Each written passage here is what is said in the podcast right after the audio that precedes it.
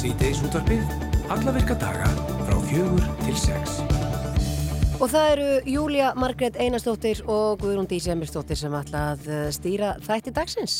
Já, það er sannlega uh, fallegur förstu dagur og við erum með smekkvöldan þátt og það er mjög margt sem við viljum fjallum í dag. Við viljum meðalans að tala um skráningu kynsegin einstaklinga en þeim fjölgaðum heil 75% árið 2022.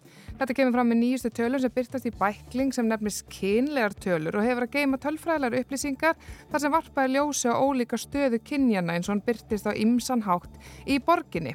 Það er Valgeri Jónsdóttir og Guðni Bára Jónsdóttir hjá mannréttind og líðræðstofur Reykjavík og borgar eru ekki sýstur en það er alltaf að kíka til okkar og segja okkur frá þessum niðurstöðum.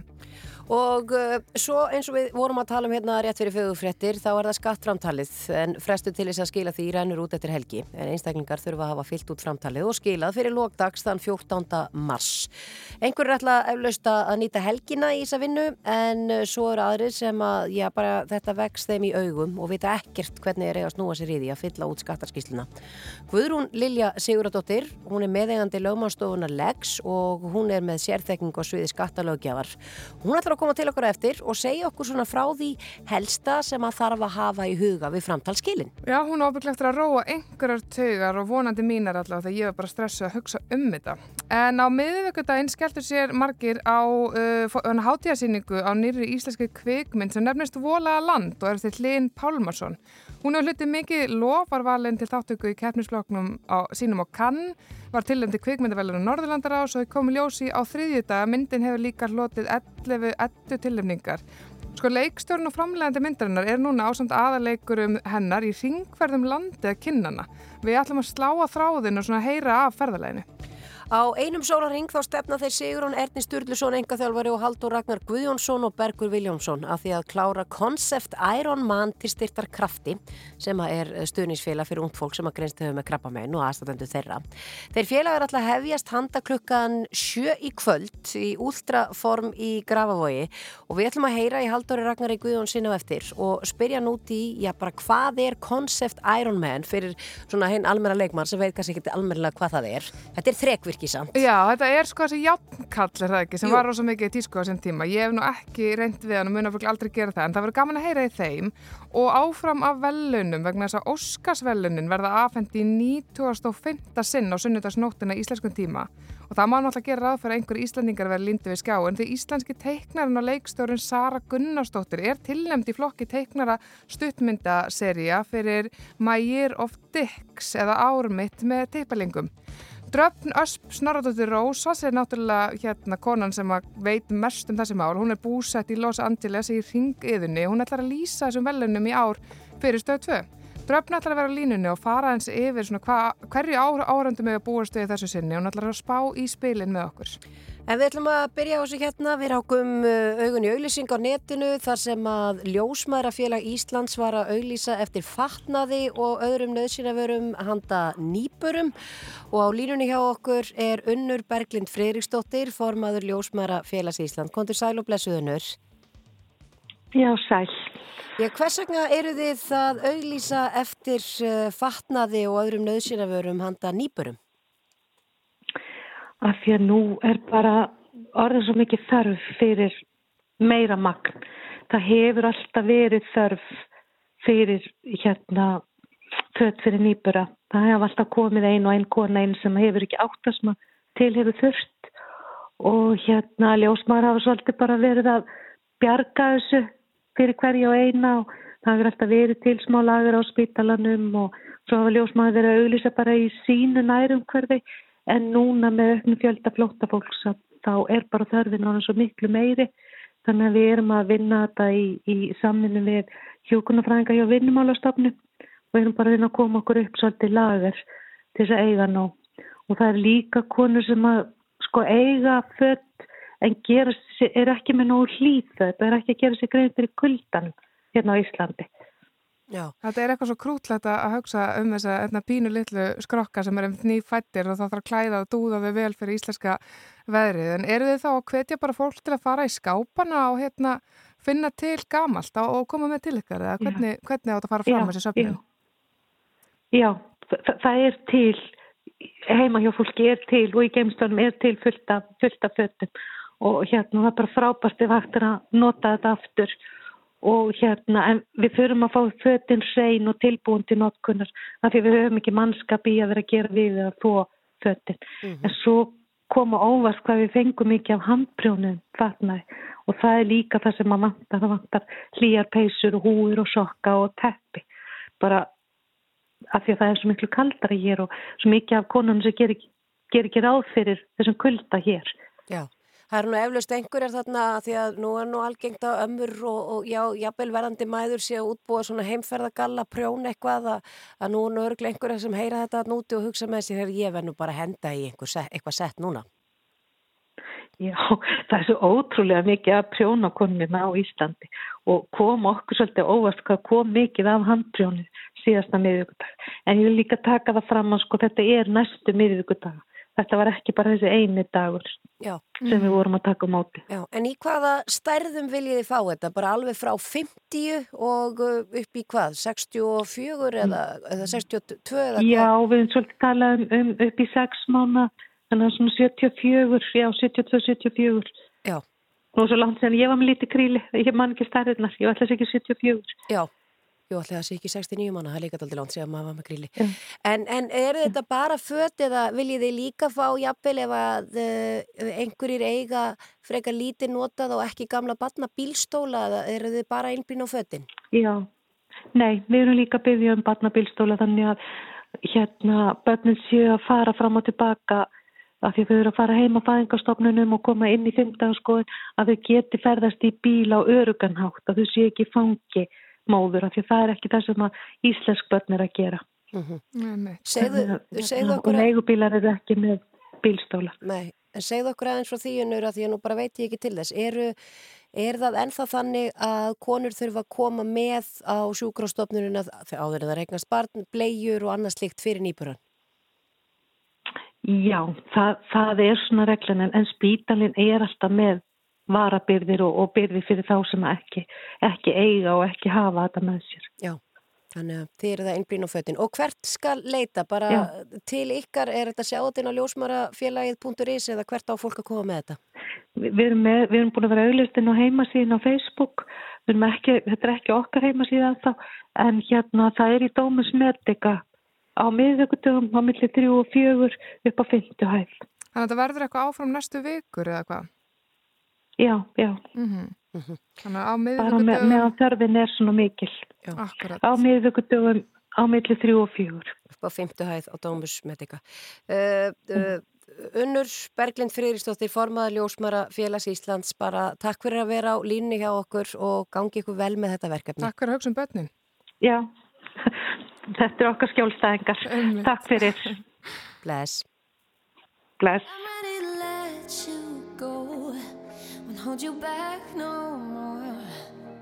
And God spread your wings and fly away. And carrying you way too long, like an obsession. I thought you were a living part of me, but I got my power.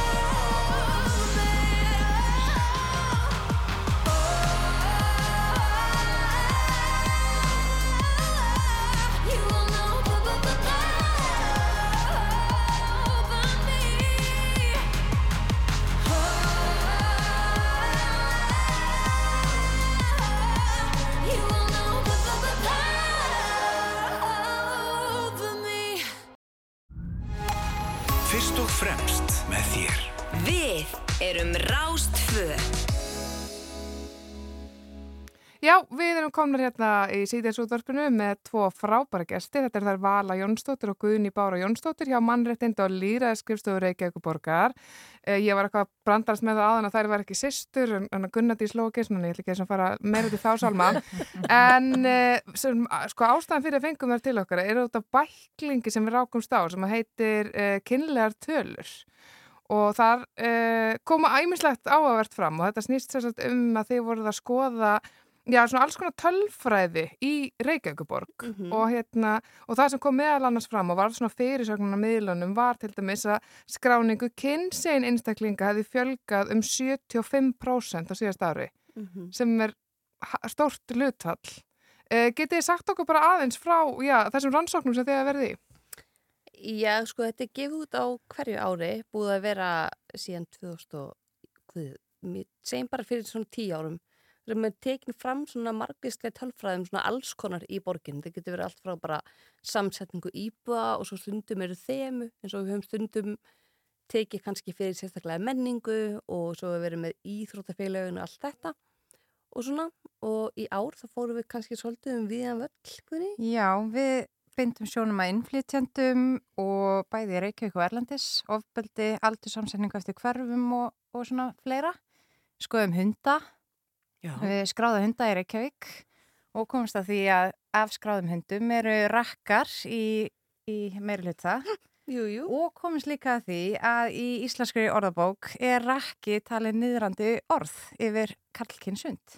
Yfir hundin það, þetta er ekki eitthvað sem er verið að nota í daglega tala um fólk til að, en að niða það eins Nei, og með tík. yfir hundin sjálfan Já. sem okkur fannst áhugavert. Já, og þetta að að skapaði miklar umræður. Það get ég skilið. Já. Við sendum bara svona óformlegt bóða árnastofnun að hérna skoða þetta fyrir okkur. Málþing, til dæmis, getur verið eitthvað. Það getur verið gott, sko. En, En fólk hérna, verður já. skiptast í fylkingar yfir þessu. Einmitt, ég get alveg skilið það, ég meina kaffistofna mun ábygglega loga hérna um þessar upplýsingar en hérna varðandi hérna skráningu kynsegin einstaklinga, ég meina þið farið að er það að skoða þetta, voru þetta þú veist hérna, komið niðurstöndar eitthvað óvart að þetta væri svona stórt hlutfall þetta er náttúrulega, já, nokkuð nýverið sem að það var hægt að skrá sig kynsegin eða ekki.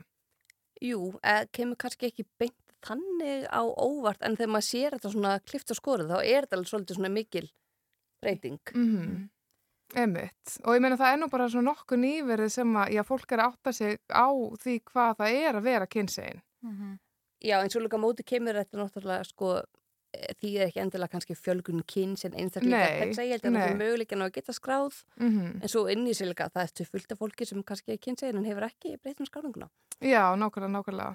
En það er nefnilega til dæmis í kringum þetta að vera kynsegin, af því að það er bara, ég meina það er ekkert svo langt síðan þetta orð bara kom í íslenska orðabók. Mm um, og þú veist, það eru náttúrulega, ég held að þetta sé mjög frelsandi fyrir marga að geta lóksum skráð kynsitt á þann hátt sem að á við um einstaklingin, en hérna, en það er alls konar svona, já, svona miskilingu sem þú finnst manni í kringum þetta og ég var til dæmis bara að tala um þetta bara svona í mínum nánustu hópum þegar ég hérna, raka augun í bæklingin og, og þá var fólk að segja, segir ennþá til dæmis, hérna, já, er það að tala um svona hán?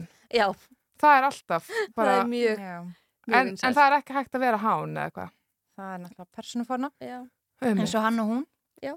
Og Vala, þú kannski tekið þennan bolta svona sem hins eginn starfsmæður en það er bara eins og, já, bara kalla þig bara hún. mm Bara já, hún er svona hún. Við segjum þetta aldrei um neitt. Nei, mitt. Hérna, en finnst ykkur þetta að vera að breytast? Ég meina, þú veist til dæmis með þessum tölum, fleiri er farin að geta skráð sig, þú veist, er að verða meiri vitundvakning kringum þessi mál? Já, algjörlega. Eins og segir líka bara með umræðana sem við heyrum, þá bara er þetta farið að svona, fólk er farið kannski meira svona grípinni og æfa sig að nota fórnafni hána og þeirra að tala um fólk og fórukinsendingar á lýsingarorðum og þannig. Mm -hmm, um mitt. Og það er líka til dæmis margir listamenn eins og Sam Smith er búin að koma út og hann er náttúrulega, eða Hán, afsikið, svo ger ég þetta núna. Hán er náttúrulega, já, þú veist, eitt stærsti listamæður en bara núna, tónlistar uh, mannskjan og, um, og það er til dæmis eitthvað sem fólk átt að segja ekki á að, að fólk, að kynsegin er undir transreglífinni. Mm -hmm. Um, þannig að já, það er mjög uh, margt í þessu. En hvað, ef þið getið tekið svona saman, svona, þið myndið taka saman bara niðurstöðunar, hvað er svona það helsta? Við náttúrulega fórum um viðan völl, sko. Mér Eh, fannst svolítið áhugavert með langar að vita þessi svolítið sem innflytjenda tölur um það. já, einmitt. Uh, árið 96 þá voru innflytjendur í Reykjavík um 2700 en uh, í tölunum okkar þá kemur að ljósa árið 2022 er orðinni 30.407 þannig að það er en við erum að tala um þá innflytjendur bæða fyrstu og annara kynslu Mhm. þannig að foreldri foreldra eru uh, já, Já, þetta er, minn, þetta er mikið fjölgun Þetta er mjög Já. mikið fjölgun sko. og bara greinlega orðið bara mjög einmitt fjölmenningalegt samfélag sem við búum í. einmitt. Einmitt. Já, og svo voru þið líka með, hvað, aldurskiptingu eftir hverfum. já, Getið þið sagt okkur, hvar er elsta hverfið í, í hva- hvar, hvar er búa heldri borgararnir okkar? já Það var svolítið í laugadalunum.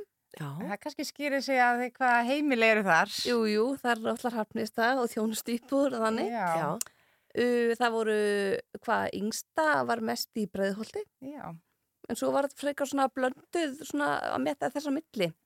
Að milli hverfana. já, bara blöndu byggð. Já, Já, sem að hlýtur að vera það sem að allar borgir vilja er það ekki. Það vil, vil ekki allir hafa þetta frekar vel blandað bara Mhm. og, og allstaðar. jú, algjörlega.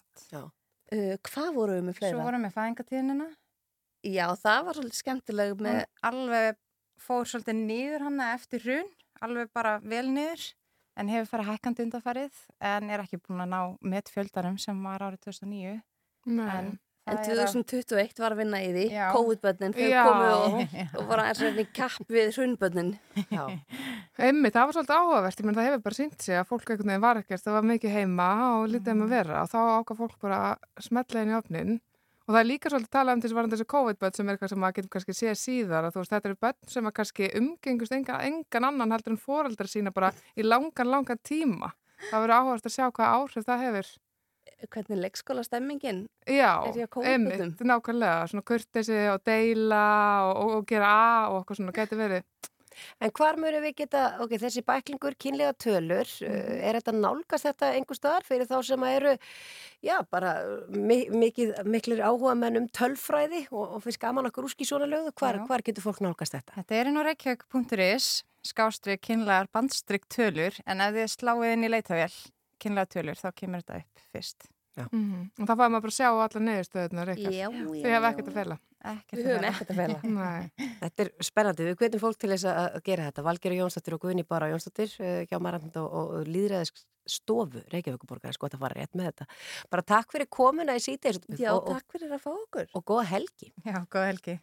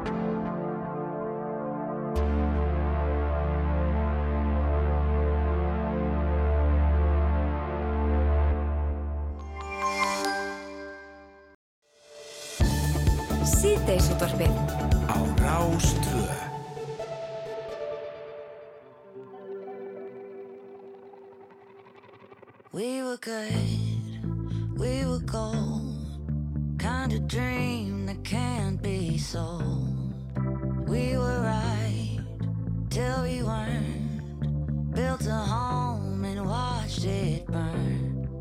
Mm,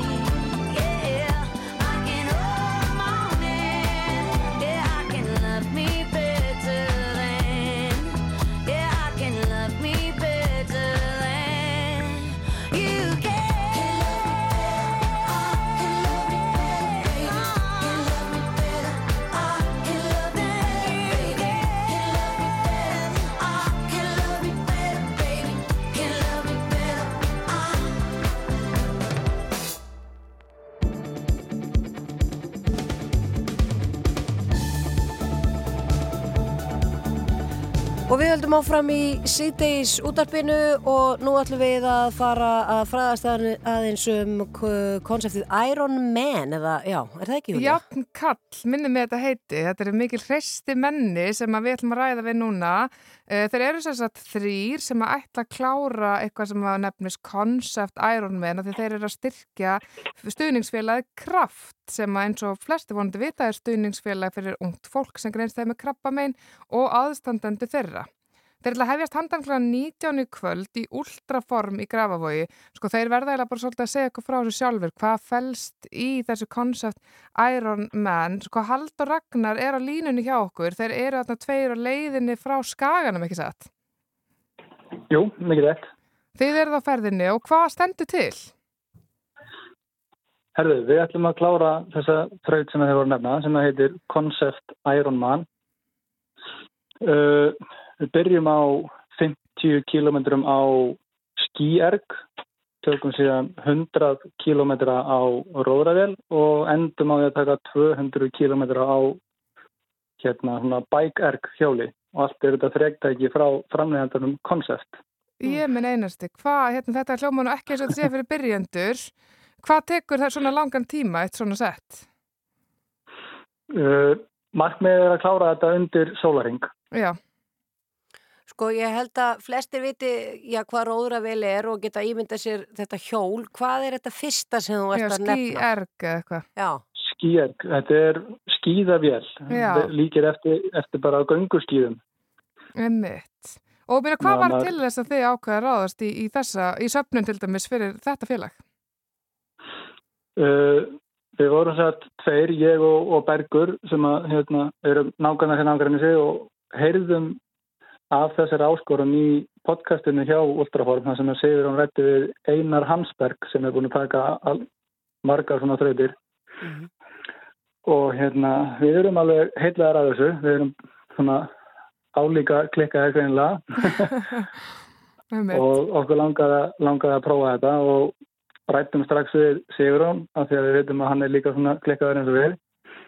Og umræðan fór strax út í það að reyna að láta eitthvað gott af okkur leiða og við þekkjum allir til einhverja á okkar aldri svona í kringum 30 sem að hafa verið að greinast með krabbamenn undarfæri og það lág bara beint við að, styrkja það málefni.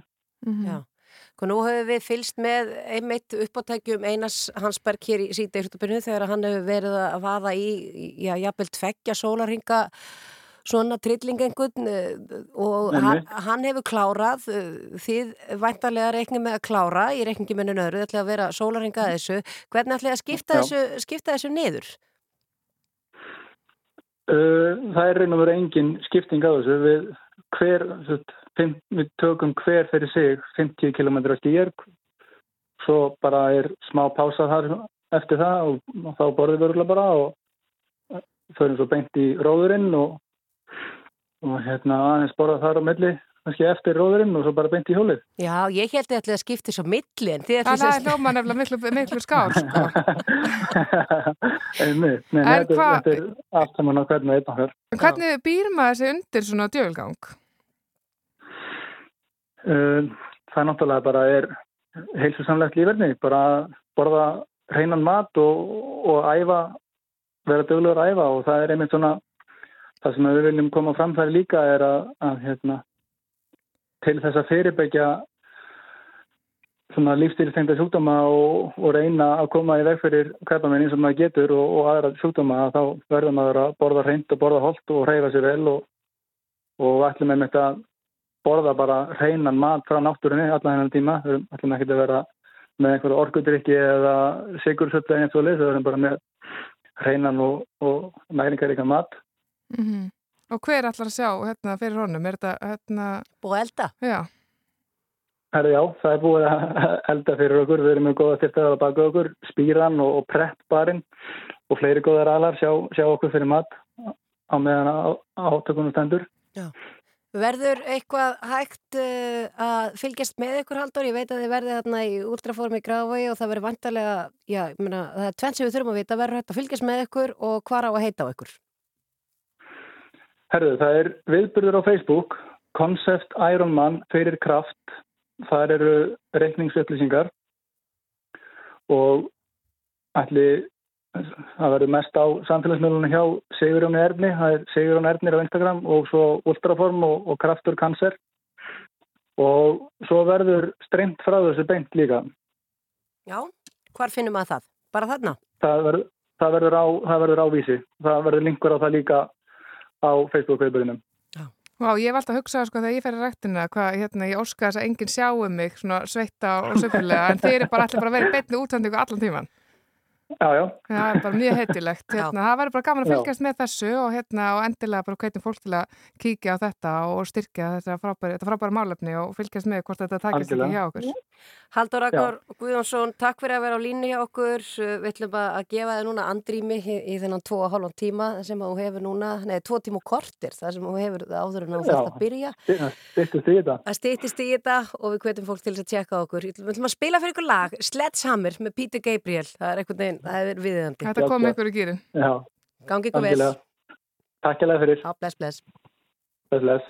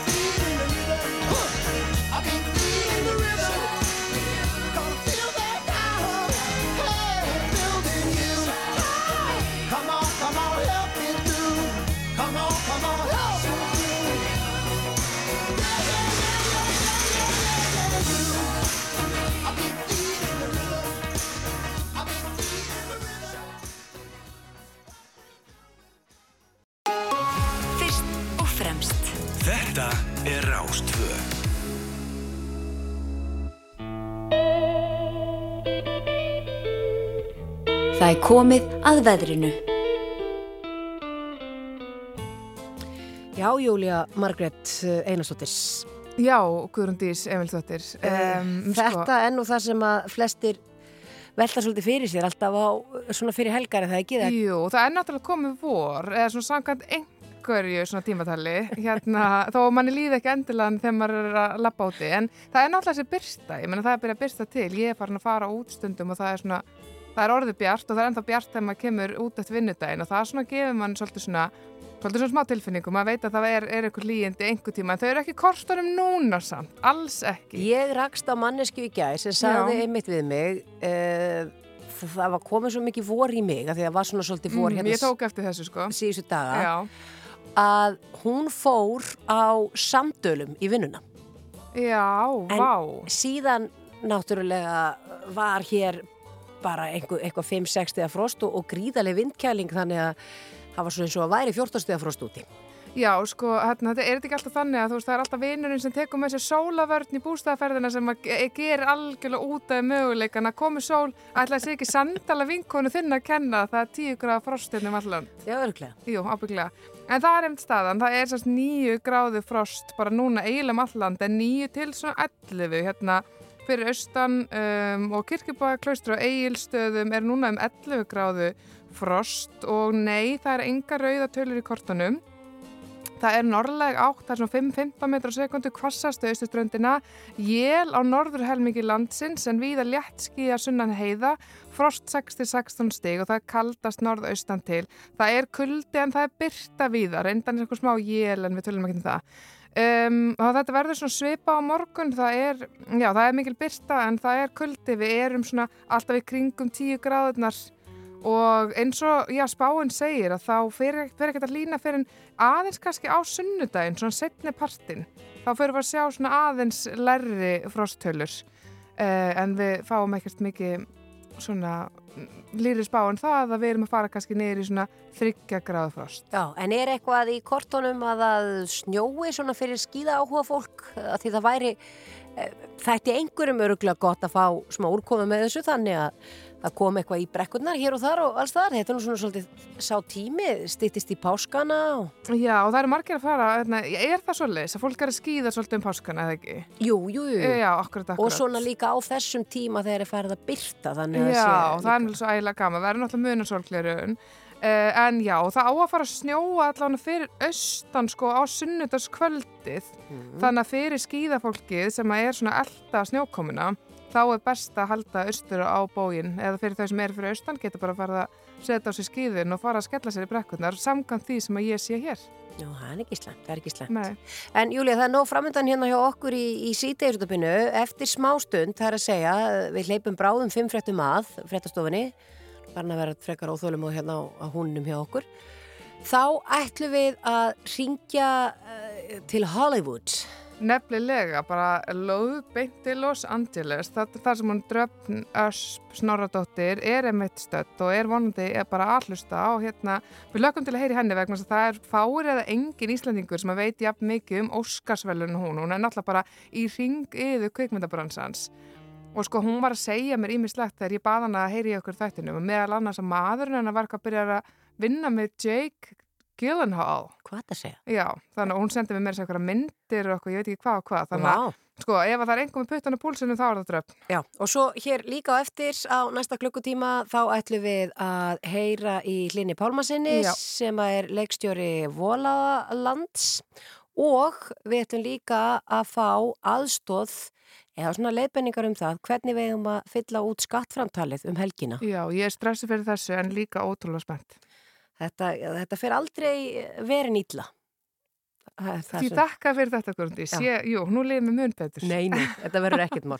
En við ætlum að láta Ed Sheeran fylgja okkur hérna fram að fimm fréttum og svo höldum við áfram. Hearts balanced on a razor blade. We are designed to love and break, then to rinse and repeat it all again. I get stuck when the world's too loud and Things don't look up when you're going down. I know your arms are reaching out from somewhere beyond the clouds. You make me feel like my troubled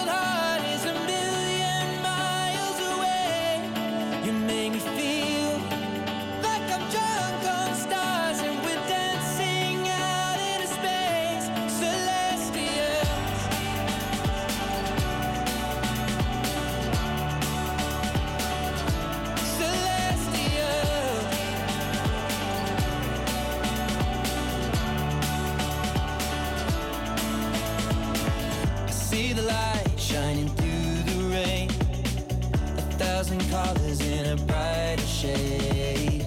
Needed to rise from the lowest place. There's silver lining that surrounds the gray. When I get lost, will it come back round? Things don't look up when you're going down. I know your arms, they are reaching out from somewhere beyond the clouds. You make me feel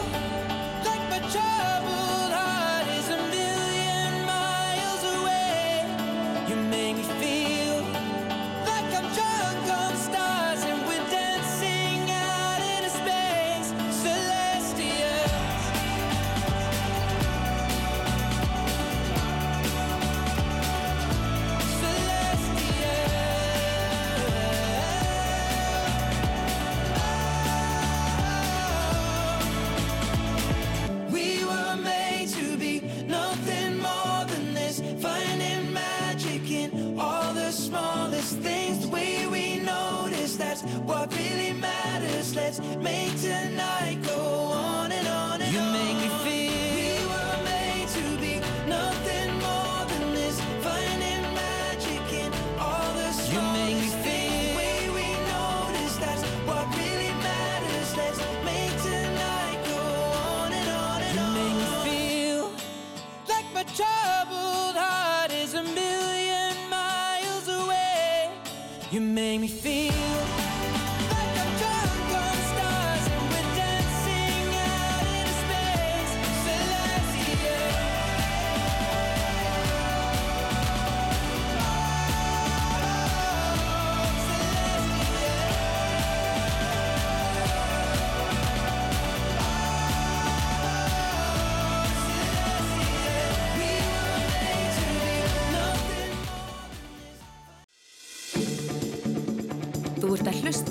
síðdeis útvarpið á Rástvö.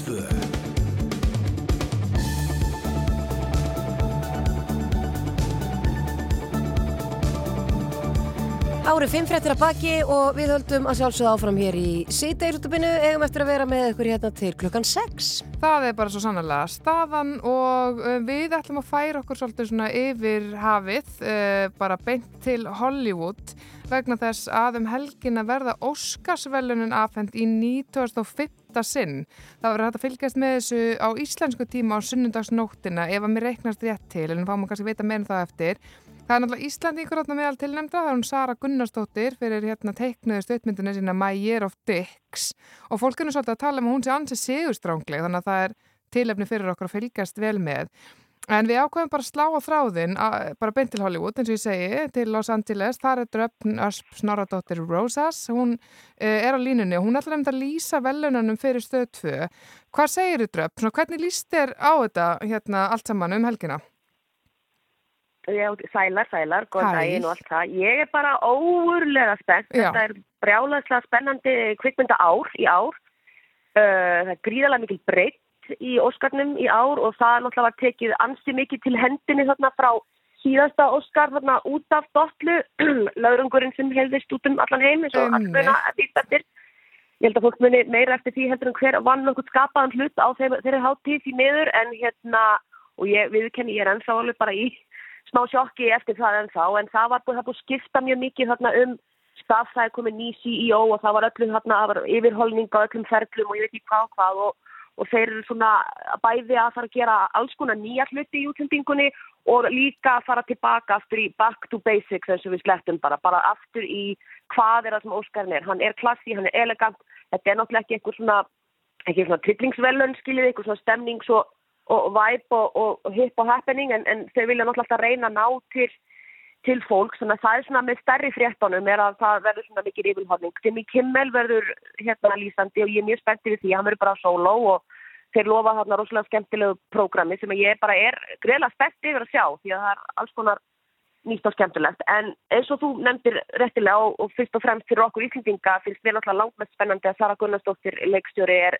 tilnæmt í flokknum fyrir stutt teikmynd Já. og ég held hún sé bara mjög sigurstránglega, mér sýnist þessi mynd bara svona frá mínu brjóstviti og, og svona eins og stemningin er í bænum að þá ég, haf ég heilt svolítið á hana minnst sko. Já, mér var svolítið Og- gott veit að- náttúrulega- já. Mér var bara svo gott einmitt að Fyrirgefðu. þegar hún var spurð út í þetta, hérna, að hvort hún hefði búist við þessu, þá sá hún bara já. Já, að það hefur það sko, þetta er confidence, confidence sjálfströft í konu sem að uh, vantar meira af og, og er bara frábært að heyra frá Söru sem að ég er nú verið í pólislöku sambandi við hana hérna og það verður síning af myndin hennar með Q&A og því öllu á lögadaginn ég er spá, ég er að reyna, reyna að komast uh, en hérna þannig að við erum mjög spenntið við því þannig að við, við kynum það og, og hérna en eins og kannski fæstir vita kannski vita á einhverjir hérna, en Óskarinn er, þetta er basically kostningaherfæðis og það hefur alltaf verið svona frá því að hann byrjaði frá upphafi fyrir langa löngu, þannig að þetta er oft svona, svona þið veitir, þetta er svona kaupinu eirinni og það eru bakherbergi og það er þetta og það er alltaf að reyna að koma í veg fyrir það. En það er náttúrulega dundrað í alls konar herferir og partí og herjað á meðlið með akademíunar um að kjósa sig og kjósa sig og kjósa sig og, og veist, það er alltaf verið að, hérna, svona vinna með hvað fólk, ég meina Harvey Weinstein var frægur fyrir að hafa rekið mjög hérna já, hvað, ekki elegant herrferðir og, og svona dirty tactics eins og hefur mikið verið rætt sko og byrjað á kvíst herrferðum um, um hinn og þessa myndi til að skemma fyrir þeim og svoleiðis, þannig að svoleiðis getur náttúrulega alltaf gæst en það hefur vist minkað eftir að Harvey Weinstein situr náttúrulega bara í steininum og verður þar vantilega þangað til að hann er búin að ljúka keppni hérna á þessari plánetu sko, eða förum í að vera aðeins dask en það er alltaf liðsverð að gefa ykkur rapport hérna en hérna það sem er stærsti fréttinar fyrir utan sögur okkar er að bestu kvikmyndir flokkurinn er gríðarlega breyður. Við erum hérna með All Quiet on the Western Front sem að ég býst við að taka í velunni fyrir bestu uh, erlendu kvikmynd þannig að hún tekur ekki þennan bestu kvikmyndflokk mm. ég bara sé það ekki gerast Se- sem er hérna alveg rosaleg mynd sem er á Netflix um fyrir heimstyrundina sem er með Avatar 2 sem að kom bara núna í desember hún er hérna tilnæmt þannig að hún náttúrulega bara búin að hala inn yfir 2 biljón dollara þannig að það er ótrúlegt að hún sé komin inn en David Cameron, nei David, David Cameron hann er fórsettur á þeirra uh, James Cameron, leikstjóri hann hérna hann náttúrulega er smá svona eh, uppáhald hjá akademínu þannig að hann gerir myndir þá er hann tilnæmdur og hann er tilnæmdur hér Nú, Banshees of Inisherin sem er þarna ískamyndin eftir Martin McDonough, hún Geggjumynd. er held ég hún er, hún er sko með betri því fleiri myndir sem ég sá, því betri fannst mér hún, því ég sá hann í snemma. Já. og ég held að hún sé að fara að koma okkur óvart á, á sunnudaginn, ég held að sé að hún er tilnæmt til nýju uh, til uh, flokka sem sagt og, og ég held hún, held, ég held að henni muni ganga vel. Mm uh, síðan erum við með Elvis. Ég held að að Austin Butler strákurinn taki Óskarinn fyrir besta leikara á því ásumudaginu þá er hann yngsti leikari sem er vinnur þann flokk bara í, já, frá upphafi held ég, hann er 31 árs. Um, Everything Everywhere All at Once er náttúrulega skrimslu sem að er í herberginu sem er að að fara að taka held ég lang, ja, er, er að fara að eiga gott kvöld held ég ásumudaginn en kannski ekki eins gott kvöld eins og eins og, þú veist, ég meina Dún í fyrra var held ég með 14 eða 11 tilnefningar og tók held ég tvær og það var eitthvað fyrir klippingu og, og, og hérna klippingatöku. Ég held að hún sé, með, hún er með 11 tilnefningar, ég held hún taki mjög margar, ég held hún, sko ég vonu hún taki bestu kvikmynd en ég er ekki frá því að Banshees of Inisherin geti, geti dottið þarna inn en ef ég held áfram að telja þá er Fableman sem er Spielberg myndin, Cars, Todd Fields myndin með Kate Blanchett, hún er Mhm. líka mjög sterk og Top Gun er líka þarna í bestu kvikmynd. Það er mjög óvænt og mér finnst þetta bara svolítið skemmtilegt. Mér finnst að, að gaman að er svona mikil breytt og þú ert þarna með Avatar og Top Gun, sko, þessar myndir saman eru búin að hala sko yfir þrjá biljón dollara í tekjur og þetta er ekki svona ekki beint svona listbrænasta efni sem hefur, hefur sem farið á silfurskjáin en, en enga síður brálaslega vinsvægt og, og frábæra myndir. Ég hef ekki séð Avatar en ég er búin að sjá allar hinnar uh, og ég er bara mjög hrifin að takka með þessum bara alveg hrifin skemmtileg og ef að hún vinnur Óskarinn þá er það í fyrsta skipti sem Tom Cruise fær Óskar Stittun, hann er náttúrulega af framlæðendunum af myndinni en hann hefur tilnæmdur fyrir Mag Magnolia og Jerry Maguire og hann hefur aldrei unnið. Það er alltaf farið heim, heim tómhendur. Og svo er það náttúrulega Triangle of Sadness, vinnur okkar hann Östlund frá Svíþjóð, hún er tilnæmt hérna sem besta kveikmynd. Og Women Talking sem að hérna Sara Polly leikstýrir sem að okkar besta Hildur Guðna var náttúrulega sniðgengin að hafa ekki fengið óskarstilefningu fyrir, fyrir Women Talking og þar fyrir uh, hérna orginal tónlist fyrir, fyrir hérna þannig að hún, hún misti af því og átti hana mögulega á tveimur ég, og ég skil nú ekki okkur hún var hérna yfirleitin en þetta er yfirleitin sem við eigum nú mörgur sinnum með hver fekk ekki tilefningu sko. Já, einmitt, maður það er alltaf einhver sem er skúfaður en maður var svona svolítið hérna Já. það var endur eitthvað með tar, það var einhver ástæða fyrir því að það var ekki hægt að tilnefna í þeim flokki, var það ekki? Jú, gæti verið því að þau voru náttúrulega líka að spila held ég eh, hérna tónlist sem er náttúrulega ekki, sem er náttúrulega orginal frá, frá öðru, öðrum hérna. Ég þarf að eiginlega að fletta því upp en ef ég, að, ef ég á að giska þá er út af því að kannski hafi, bara, hafi tónlistin ekki verið nógu mikið, ég, bara, ég veit ekki, Nei, ég þarf bara að fletta því ég er kannski hverju bara hún- hún- alveg að segja eitthvað vitleysu sko, þetta er bara eitthvað sem ég fannst ég að lesið út undan mér en, hérna, en svona af Já. þessum hérna, myndum sko, núna myndi ég til dæmis persónulega halda með Banshees en ég er ekki búin að sjá þar allar Já. en ert þú á svona Top Gun Já. vagninum fyrst þið verið að koma tíma á, á krúsan? Sko, nei, sko, nei, mér er bara gaman að hún sé hérna en ég, ég, ég hjarta mitt klær sko með, hjarta mitt klær með Everything Everywhere All at Once Já. og Banshees og vinningfyrin því að Mhm. mér fannst þessa myndir sko hún er svona sló svona hægur brunni þessi mynd var svona þú veist, hún er svo einföld og svo er hún svo frábær Hún er svo góð. hérna, þetta er eiginlega með betri myndin hún er alveg frábær og, og önnur mynd og hann er tilnæmdur í besti leikari aðalhutverki er Bill Nye fyrir aðra mynd sem heitir Living sem að ef ykkur fannst Banshees æðisleg þá held ég að fólki sem finnst hún frábær Ok. muni finnast svo mynd æðisleg Mhm. uh, ég, hann er hérna með rosalega framistöðu Bill Nye sem er mikill uppáhaldsleikar hjá mér, ég held með honum en ég held hann eigi á brattan að sækja hérna á móti Austin Butler fyrir Elvis og Colin Farrell fyrir Banshees líka og Brandon Fraser fyrir Whale Já. sem að mér sýnist núna, ég tók smá skúrt núna áður en ég talaði við ykkur sem svona latest predictions svona hvað eru síðustu tölur úr hér að þig Ok. og það er svona það, verðist vera smá meðvindur með brendan að hann gæti komið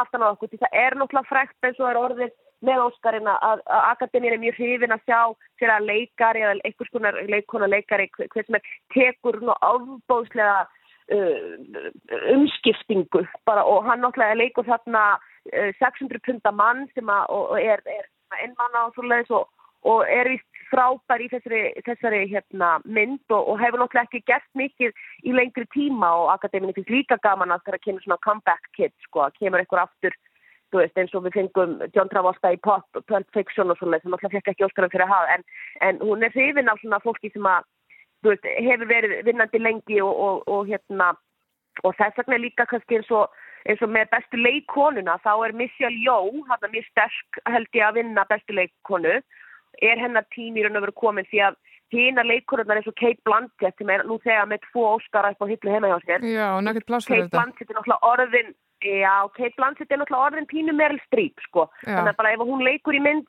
þá fær hún tilefningu Michelle Yeoh er búin að leika sko sko í ára tvíi og það hefur ekki manneskja sem, hérna, sem að hefur af, lit sem manneskja af lit, people of color, person of color, hefur ekki unnið sko bestu leik, leikkonu síðan Halle Berry vann sko árið 2001 fyrir. Monsters Ball Já.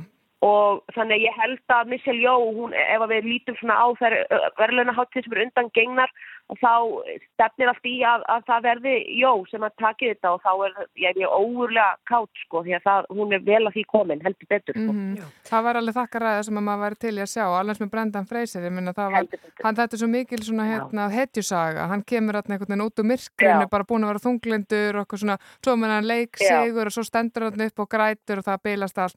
Það er eitthvað ósala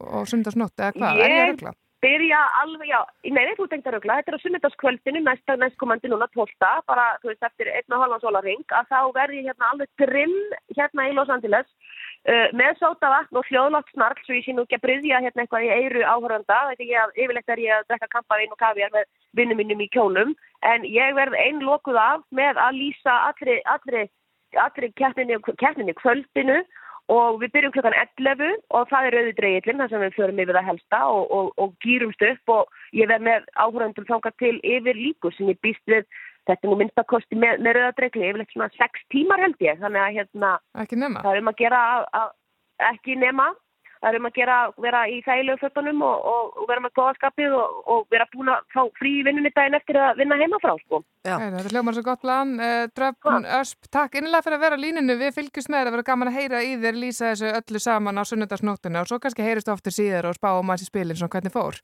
Takk fyrir að vera að spjalla með okkur og góða kveðir bara til Hollywood. Takk elskunum mína, gaman að heyri ykkur og góða helgi. Sömuleiðis. Við eigandi að spila hérna Stílord. Ef einhver tíma, þetta er náttúrulega Hollywood fólki okkar. Við vorum þarna, er það ekki, að gera sem flesta sínu, sínu tónlist. Jú, jú, jú. Alla króka og kima hérna, Los Angeles borgar. Já, og stemningun í borginni fyrir velunaháttíðina. Algjörlega. Er Curtain Call.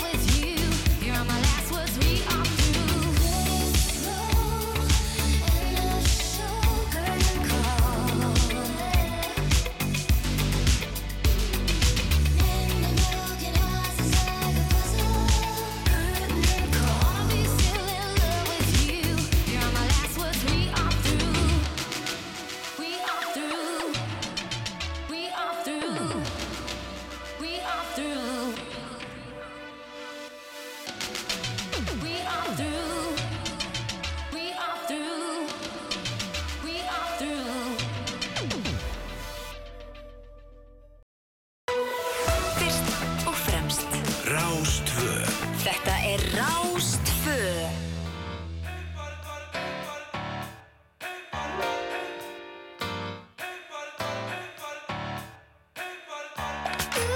Ég er aldrei minni skikkanlegu Ég veit að kemur betra Sér finnst allt um nattræna lögum En hún er ekki voru á vegum En hei, hei, hei, hei Hvað ætlar þú að gera í því? Já, hei, hei, hei, hei Hvað ætlar þú að gera í því? Bara eitthvað gott og gerum það saman. Mér er alveg sama hvað bara það er gaman. Svífum saman eins og poppis á hlífinni. Bróðlendur þegar hún týnist í hlífinni Fljúum saman eins og dúmba á eirunum Gerum eitthvað gott sem fólk fara að heyra um. Gerum eitthvað gott sem fólk fara að heyra um. Gerum eitthvað gott sem fólk fara að heyra um. Dansum eins og hálfið dag Það miklu betra að missa sig en missa það Hristum okkur sig í takt. Og ef við týnum kúlinu þá sorry með það. Skrá engar aðtug og sendir Ég veit að kemur ei heim sendir. En það er margt sem er böndir Til þess að guði minn sé kvendir. Hún er kona, baby En hei, hei, hei, hei Hvað ætlar þú að gera í því? Já, hei, hei, hei, hei Hvað ætlar þú að gera í því? Ég gerum bara eitthvað gott og gerum það saman Mér er alveg sama hvað bara það er gaman Svífum saman eins og poppis á hlífinni Bróðlendur þegar hún týnist í hlífinni. Fljúum saman eins og dúmba á eirunum Gerum eitthvað gott sem fólk var að heyra um. Gerum eitthvað gott sem fólk var að heyra um Gerum eitthvað gott sem fólk var að heyra um Dansum eins og hálfið dag betra að missa sig en missa það Hristum okkur sig í takt Og við týnum kúlinu þá með það Ef að þú vilt dansa eins og drottningin í draginu máttu það. Það máttu það Ef að þú vilt dansa eins og fylarinn á þakinu máttu það. Það máttu það Og ef að þú vilt bara sófa dilla þér með læginu máttu það Það máttu það En ef að þú vilt dansa eins og famaður í fæinu máttu það Það máttu það Dansum eins og hálfvitar miklu betra að missa sig en missa það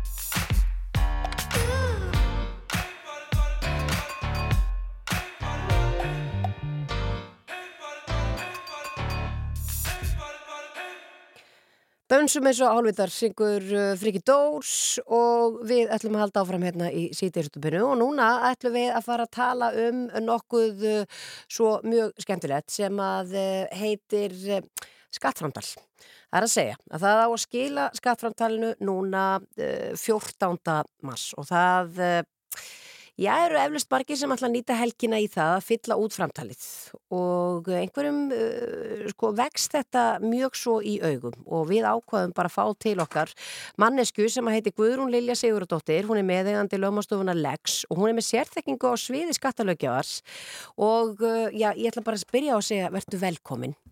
Takk fyrir og takk fyrir að bjóða mér.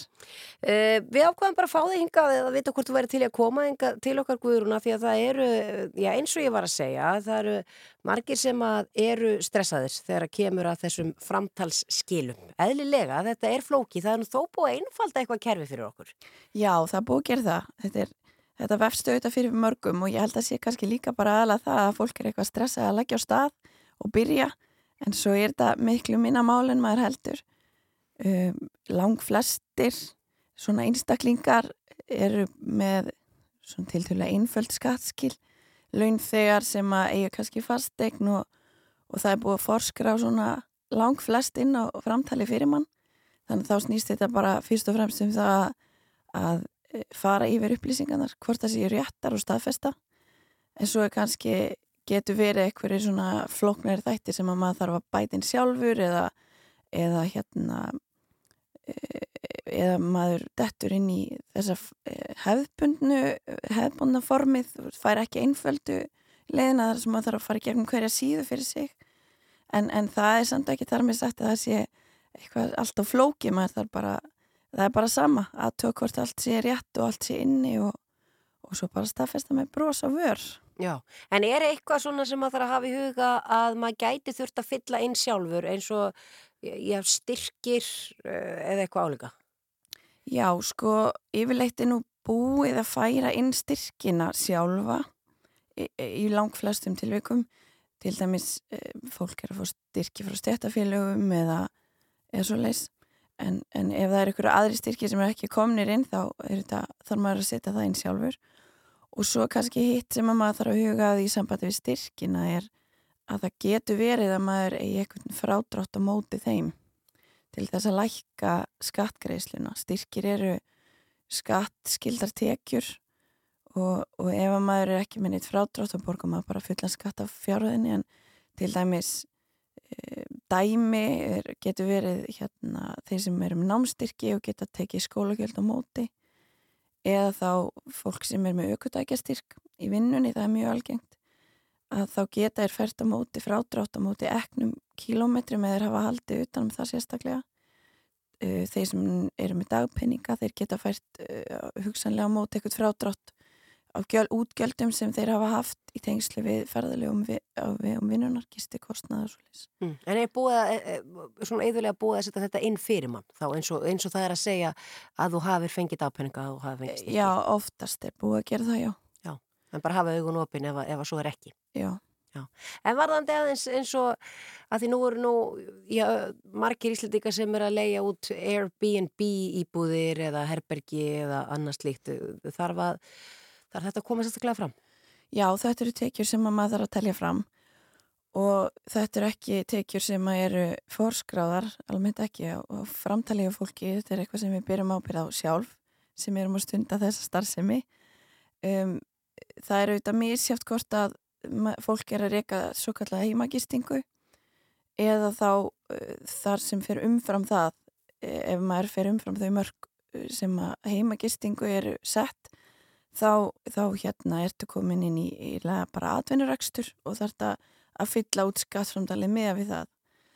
Og þess að tekjur eru skatlaðar með mismunda hætti eftir í hvort um er ræða heimagistingu eða, eða svona atvinnurekstur og hérna og mörkin líka hérna sem að margir vita það eru tvær miljónir ef við erum með meira en tvær miljónir ári eða meira 90 gistinætur þá ertu komin út fyrir mörk heimagistingar og komin í atvinnurekstur Já, Já. Hvað, fólk byrjar að skila inn skattaskýrslu 18 ára? Nei, er það ekki 16 ára? Er það 16 ára? Ég, ég held það. Jú, jú. Nei, það eru urkla bara halveg hárið til Já, ég myndi alltaf, þú veitir þetta ekki frekar en, Jú. já, en ég meina eins og við tölum um bara enn í byrjunum, en þetta er kvíðvanlegt fyrir marga, fólk er stressað en stressað sérstaklega að opna þú veist, það er svolítið mikið svona stóra skrefum það fara inn og svo sér maður þetta fram að sig það er þetta svona í flestum tilfellum ekki eins flókið og kannski maður var búin að búa til í höstum á sér mm -hmm. en þegar það koma upp eitthvað svona vafatri og maður sér að það er eitthvað sem maður hefur ekki fullkomin skilninga og veit ekki hvort maður sé fyllit út í rétt, svona hvert er best að leita til þess að fá já, einhverja ráðgjöf eða aðstóð? Já, sko, eins og segir að, að opna, það er fyrsta skrefi. Algjörlega. Og þó opnir, þá þarf þetta ekki að skila strax. Þú getur alveg vista þegar þú ert búin að gera ykkur beitingar eða fara bara út og koma inn, inn aftur setna. Það er nú ágætt. En sko, ég myndi segja kannski væri gott að reyna, reyna fyrst að leita sjálfur. Skatturinn gefur út á hverju ári leifinningar fyrir framtalskil og maður getur aðtuga þar mm -hmm. hvort að í því, þeim bæklingi sem er gefin og er bara aðgengilega heimasíðun er að séu spurningum manns svarað e ef ekki þá er auðvitað býður auðvitað skatturinn líka upp á framtals aðstóð bæði í tölvupósti og, og síma en svo ef að manni finnst það ekki manni finnst maður ekki fá svörin þar eða er kannski með floknari mál sem er kannski ekki endilega í verkaring skatt sem að greiða úr fyrir mann þá getur verið skýrsalegt að leita sér aðstóðar og það eru auðvitað bókarar og endurskoðundur og, og svo í einhverjum tilökum lögumenn sem geta eh, komið til aðstóður og, og hjálpa fólki við að, við að greiða úr því hvernig það er að telja fram ákveðna tegundir að tekjum eða eignum. Það er kannski einmitt eh, það sem að vefst oftast fyrir fólki er til dæmis að það er að flytja aftur til Íslands eftir búsetu Erlendis eða fólk sem er búset Erlendis en á eignir hérna á Íslandi og þarf að telja fram uh, vegna þeirra svona alls konar uh, hérna, erlendar tekjur. Að því við meðum ekki gleyma því að þeir sem eru með skattskildu á Íslandi fulla skattskildu þeir þurfa að telja fram allar tekjur sínar hvar sem þeirra er aflað heiminum og allar eignir hvar sem þeir eru staðsettar svo getur hins vegar verið að þú ert búin að greiða skatt af tekjum þínum erlendis þá auðvitað færir það inn á móti og, og það tekir til til þess hér á Íslandi alla jafna á grundvelli tvískötuna samninga en við verðum að gefa þetta allt saman upp Já. Já. Þetta eh, verður eflaust ærið verkefni helgarinnar hjá mjög mörgum landsmönnum og já, ég held að það væri bara líka kjörið, er það ekki, að maður eigi að láta krakkarna bara strax byrja að fylla þetta út þegar þau eiga að fara að fylla þetta út bara sjálf, þannig að þau verði ekki hrætt við þetta. Ég myndi mæla með því að maður væri með eitthvað svona velun, maður myndi kaupa svo upp á snammi sitt eða kannski hérna flösku einhver sem er gott að drekka, þú veist sem að maður getur það að vera svona gullrótin þegar maður er búin að þessu. Ekki spurning, bara gera eitthvað skemmtilegt úr þessu. Nákvæmlega, bara hafa gaman að skattaskíslinni. Já, já. ekki? Jú, jú, ég held það. Guðrún Lilja Sigurðardóttir sem meðeigandi lögmastöfuna Lex og uh, já, þú ert með sérþekking og sviði skattalögja. Takk fyrir að koma til okkar í síti eins og þetta byggðu og svona lítir á okkur og fara yfir þetta með okkur. Þetta verður ekkert mál, það er bara að opna, það er hennar starsta skriðið. Já, bara fara af stað og byrja og Mhm. þá er þetta miklu minna máleldur um maður helt. Takk hérlega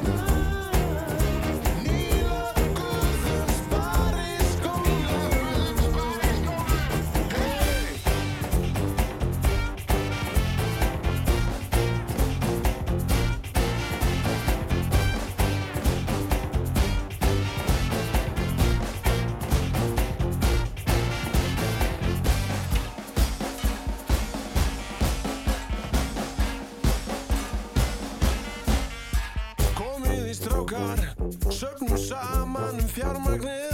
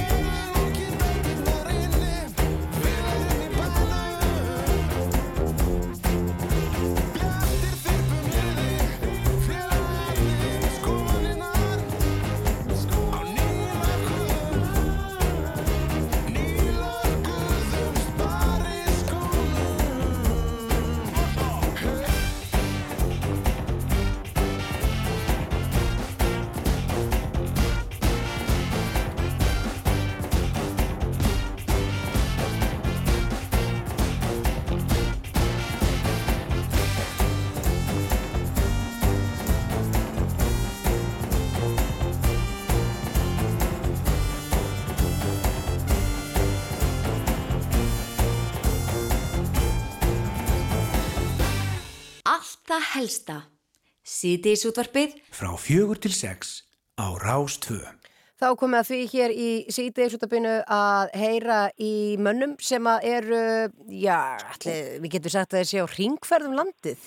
Já, ég, að, þeir, þeir geta kannski útskipta betur fyrir okkur en já, tilefnið er náttúrulega frumsýning, það var svona hátíðarsýning allavega hérna á miðvíkudaginn í Bíóparadís og þanga flyktist fólk og margir í kringum mig og mikil ánæg með þessa mynd. En það hefur líka verið gífilega eftirvænting vegna þess að hún er búin að vera ferðarlega um heiminn og hefur fengið alveg þvílíkt lof og og, hérna, og, og tilnefningar og velunni veit ekki hvað og hvað og loksins á landinu og um, sko leikstjórin Hlinu Pálmarsson, hann let sér ekki næja sínana bara hérna í Reykjavík, hann er núna bara leiðinni í, eitthvað sko ringverðum landi að kynna myndina, þeir eru lagður á stað og Hlinur er á línunni hæ Hlinur Já, hæ.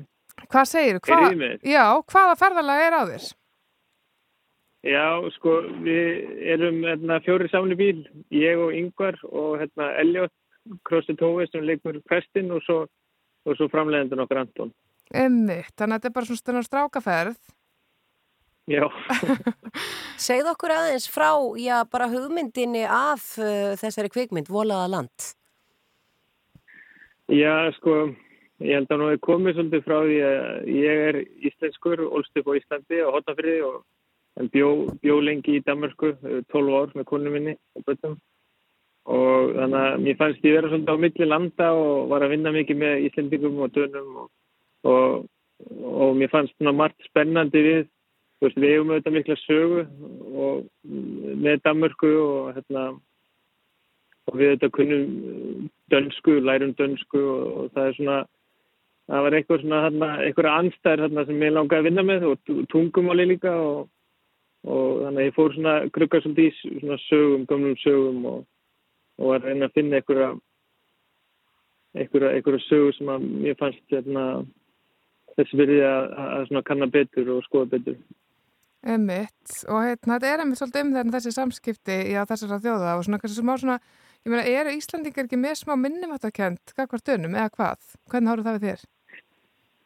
Ég held að það sé bara misjæmt með bara svona uh, generation. Þetta er hérna, ég finnst, ég meina, það sem er áhugavert við uh, þess okkar uh, samskipti og hérna, sögu er að hún er ekkit, hún er ekkit sérstaklega svona blóðdrifin eins og margar sögur frá hérna, kolónið sem, sem er sko, sem maður finnur ekkit fyrir því. Þannig að þetta er svona, þetta er frekar, frekar látlaus svona saga sem ég finnst oft hérna, ofta áhugaðara líka sko. Mm, nákvæmlega. Og það er þessi svona núningur en það er líka alveg smá svona humor og ymmislegt en hérna bara viðtökurnar, ég minna þú byrjar að, hvenar, hvenar fer hún hérna fyrsta af stað, hvenar byrjuðu það sínana og hvert, hvar voruð þið þá? Það er orðið mjög langt. Ég, hérna, það var í, held ég bara mæ, byrju mæ. Mjög mitt. Þannig að hún er, hún er eiginlega búin að vera að ferðast bara kringum heiminn en, en það er sko, það er hérna, uh, það er sko, það er bara búið að vera svolítið stípla. Þetta kom COVID og það breyttist rosalega mörg plön hjá mörgum og, og það voru rosalega margar myndir að koma út á Íslandi sem er frábært bara hérna, að tvekja vegna fresti kom ný, ný íslensk kveikmynd og, og, hérna, og mjög spennandi kveikmyndir þannig, að- þannig að við ákveðum bara að býða svolítið.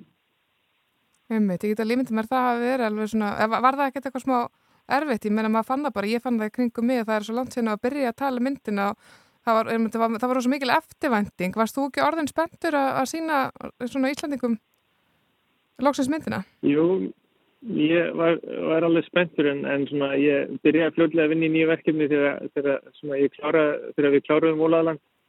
Þannig að kannski fókusum minn hefur verið á eitthvað annað en, en, en maður svona, ég fann að mér langaði svolítið þú veist að, að fjölskyldan og, og allir sem tóku þátt í verkefninu myndi bráðum fá að sjá hana sko. Það, það, fóru, það fóru margir út til að sjá hana en, en, en það var ennþá samt stór hópur heima sem að sem er búin að býða núna mjög lengi og mjög að þetta orðið svona gott sko. Það var eiginlega róðalega.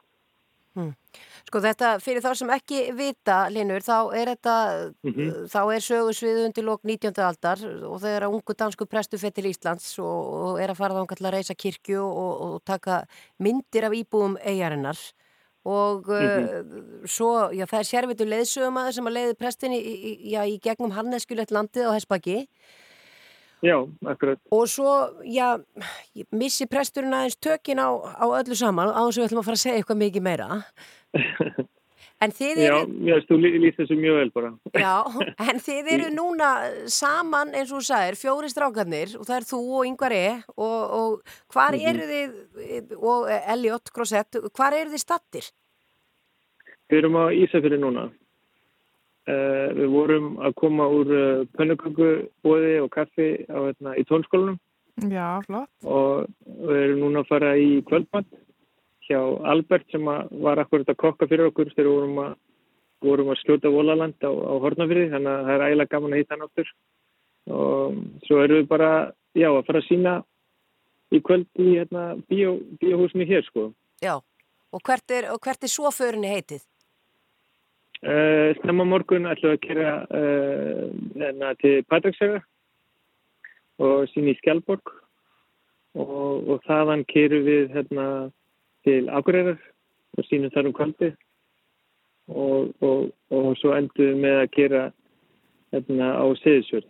Já, þannig að Ó, þetta, ykkur. þannig að þetta er, þetta er ringur, þið ætlið að taka ringin, ekki satt? Jú, mér, mér, sko, planið var alltaf að stoppa enda á Hortnafriði, Já. það sem, að- það sem hún var tekinu upp og vera með svona sérstaklega visslu þar, sko.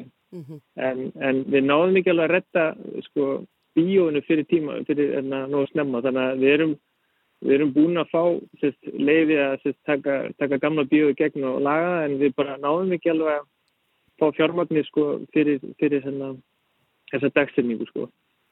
Þannig að það verður, sínt þar aðeins setna. Já, þannig að þið bara komið við á hotnafyrði og fáðu ykkur eina pilsu og heilsu upp á fólki og, og, og keirið í gegn en farið aftur síðar og sýnið hana þá. Já, og þeir skilja mig eftir sko, því að ég er bíó hann fyrir þannig að Já, já. þeir Já, henda já. mér út og svo kera þeir Þeir hendaði bara út á ferð og, og, og bruna í bæinn en þú Já. verður hérna áfram og ferð að sína hérna, já, bæjarbúum hérna, myndina síðar. Þetta hljóma bara dásanlega það eins og ég segi, ég öfund ykkur hérna, þeir eru ótrúlega fallegum slóðum og vonandi bara gaman að vera Já. í svona gauraferð, það er kannar smá uppskera, uppskera líka fólkin í því að, að fara strákarnir saman á rúndin hérna, þetta bara hljóma æðislega hérna, ég bara, og við bara byggjum Mhm. heilsa hérna út á land Já, takk fyrir það og takk fyrir að ringja. Takk fyrir að vera í sítið hlutubinu Hlinur Pálmarsson, leikstjóri Volaða Lands og til hamingi með þetta allt saman og gangi ykkur vel. Takk fyrir það.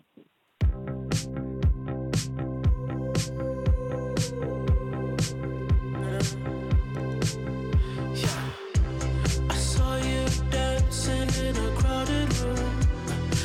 so happy when I'm not with you.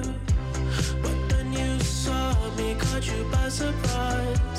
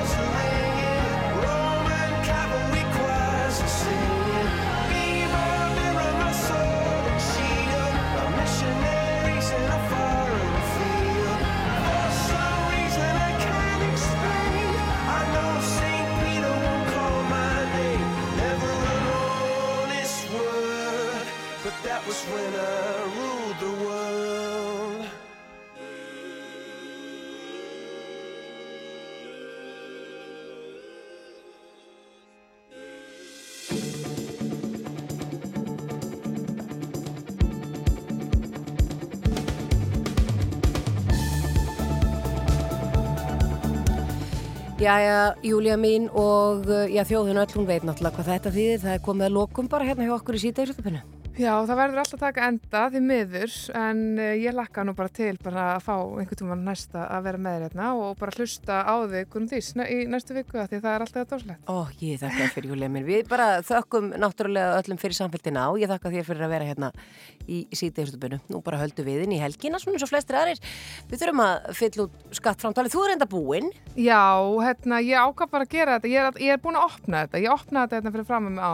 ég var bara eftir að íta á send, en mér sýnist nú allt bara líta tildulega vel út hjá mér, sko. Það er ekkert, engin flækjustig sem er eitthvað, ég er eitthvað mikla fyrir mig lengur, þannig að ég hvet bara fólk til þess að fara inn á skattu.is, skrásinn mér að vera um skilvíkum, opna þetta Mm. og sjá að þetta er ekkert svo ógulegt, sko. Nei, þetta er það ekki. Nei. Þannig að svonum við náttúrulega bara kvöldi verið sem dásalegast hjá öllum. Það er Já. náttúrulega Gísli Martin í kvöld.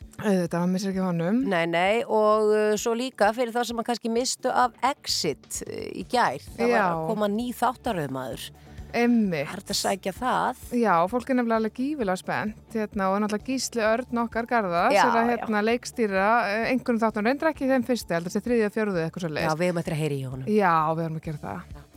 En annars bara þökkum við samhildina. Já, takk innilega fyrir mig og hérna bara góða helgi, allir, öll mitt.